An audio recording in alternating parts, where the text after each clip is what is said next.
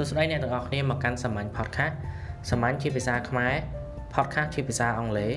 នេះជា podcast ដែលនិយាយតាក់ទងជាមួយនឹងការបង្កើត content សម្រាប់ social media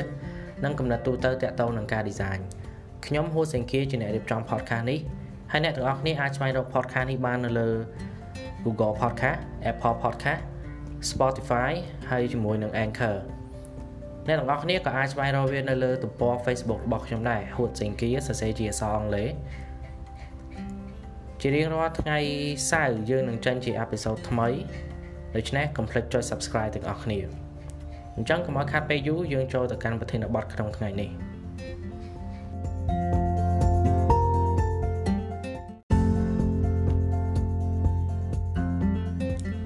នៅក្នុងអេពីសូតនេះខ្ញុំនឹងធ្វើការអានចំណុចទី1នៅក្នុងសៀវភៅ Content Marketing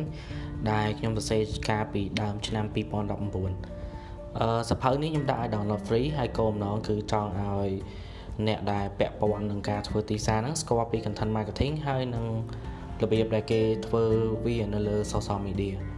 បាទអឺចឹងចំណុចទី1ខ្លីទេចឹងយើងចាប់ផ្ដើមចំណុចទី1តើអ្វីជា content marketing ក្នុងសម័យដែលមនុស្សអាចចូលទៅប្រើអ៊ីនធឺណិតបានគ្រប់ពេលបែបនេះការផ្សព្វផ្សព្វផ្សាយតាក់ទងនឹងពាណិជ្ជកម្មមានការផ្លាស់ប្ដូរយ៉ាងខ្លាំង អ្នកធ្វើទីផ្សារដែលមិនអើពើនឹងការផ្លាស់ប្ដូរនេះអាចនឹងទទួលផលប៉ះពាល់ជាខ្លាំងការផ្សព្វផ្សាយតាមប្រព័ន្ធអ៊ីនធឺណិតឬអនឡាញមានច្រើនរូបរាងហើយផលរបស់វាក៏ខុសប្លែកគ្នាដែរ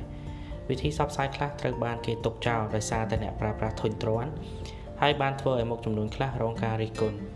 គំនិតច្នៃប្រឌិតថ្មីថ្មីក៏កើតមានឡើងដើម្បីដើម្បីបំពេញតម្រូវការរបស់មុខចំនួនការដាក់ផ្ទាំងផ្សាយពាណិជ្ជកម្មលើ website ខ្លះជារឿងមួយដែលហួសសម័យ ព្រោះអ្នកដែលចូលទៅកាន់ website នោះមិនដែលចាប់អារម្មណ៍អ្វីផ្សេងក្រៅពីគោលបំណងរបស់គេឡើយគេមិនអានពាណិជ្ជកម្មទេ website ដែលលោតផ្ទាំងពាណិជ្ជកម្មញ៉ៃញ៉ៃត្រូវបានគេចាត់ទុកជា website ដែលមាន UX ទាបឬបទពិសោធន៍អ្នកប្រើប្រាស់ទាប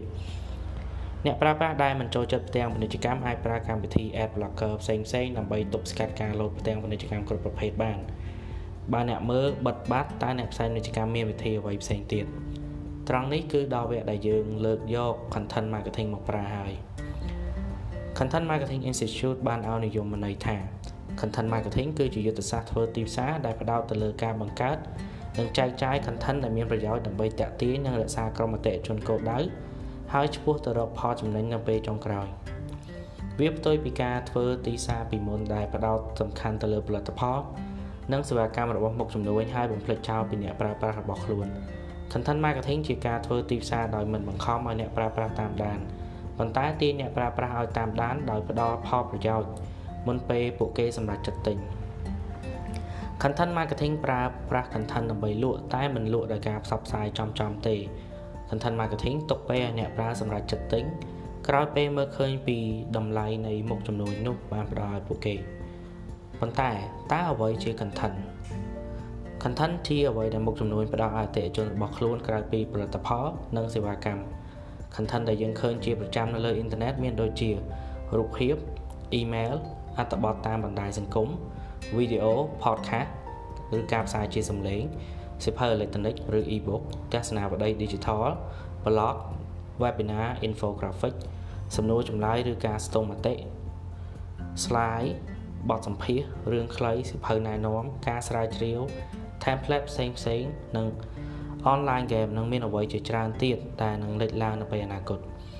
អ្នកធ្វើទីផ្សារនឹងវិភាគមើលថាតើមុខចំនួនរបស់គាត់សមនឹងប្រើ content ប្រភេទណារួចទើបចាប់ដើមរៀបចំយុទ្ធសាស្ត្រដើម្បីបង្កើតឡើងមុខចំនួនធំធំដែលមានធនធានច្រើនអាចបង្កើត content ច្រើនប្រភេទនេះបានន័យថាពួកគេមានឱកាសតាក់ទាញអតិថិជនបានច្រើនកន្លែងដែរ